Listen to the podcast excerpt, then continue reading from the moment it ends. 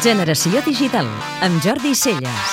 A l'estat espanyol, la coneguda de forma popular com a llei Cinde es posa en marxa durant el primer trimestre de l'any amb els interrogants sobre les seves repercussions immediates i l'impacte que pot generar el boicot incentivat des de les diverses plataformes digitals. Mentrestant, als Estats Units s'arriba un moment clau de la seva particular llei Cinde. El 24 de gener es debatrà al Congrés nord-americà el futur de l'Stop Online Piracy Act, aquesta normativa, coneguda pel seu acrònim SOPA, aspira a reforçar la persecució de la pirateria digital otorgant al Departament de Justícia dels Estats Units poder per criminalitzar tota web que serveixi d'allotjament o d'enllaç a continguts digitals. Aquesta nova llei americana permetria al govern d'aquest país actuar en webs, xarxes socials, sistemes de pagament i motors de recerca de tot el món on es consideri que es distribueix contingut il·legal amb un gran marge d'acció.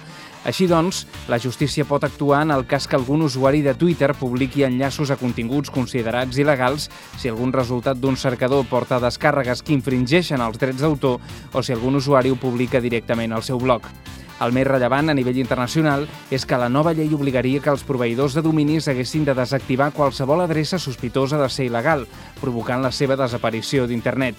Tenint en compte que la major part dels proveïdors de dominis són nord-americans, l'impacte de la sopa agafa dimensions globals.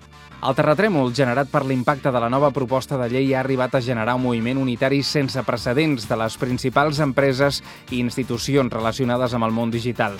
Amazon, America Online, eBay, Facebook, Foursquare, Google, PayPal, Twitter, Wikipedia, Yahoo i Zynga, entre d'altres, estan estudiant accions radicals per cridar l'atenció respecte a l'aprovació de la sopa, amb la possibilitat, fins i tot, d'arribar a una pagada general de tots els seus serveis durant una jornada de protesta.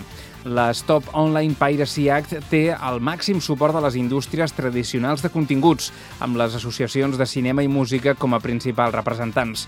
Per part del món digital, les principals empreses del sector van manifestar el passat octubre, quan es va començar a discutir, que estan d'acord amb la filosofia de la llei en quant a controlar el que es lucra amb distribució il·legal de continguts. Tot i això, la llei està plantejada de forma tan general i amb tantes vaguetats que, segons les empreses digitals, pot portar una crisi greu de la llibertat d'expressió a la xarxa xarxa, col·locant els Estats Units i la seva zona d'influència en un estat similar a la censura que impera, per exemple, a la Xina. La lluita entre la visió tradicional de les indústries culturals i els nous usos digitals està entrant en una nova dimensió. Està clar que el 2012 serà l'any en què les lleis es començaran a posar molt més dures amb els continguts distribuïts a la xarxa. El que faltarà veure és quina serà la magnitud de la reacció dels usuaris. La sopa està servida i no precisament al gust de tothom. Podeu escoltar Generació Digital cada dissabte de 4 a 6 de la tarda a Catalunya Ràdio.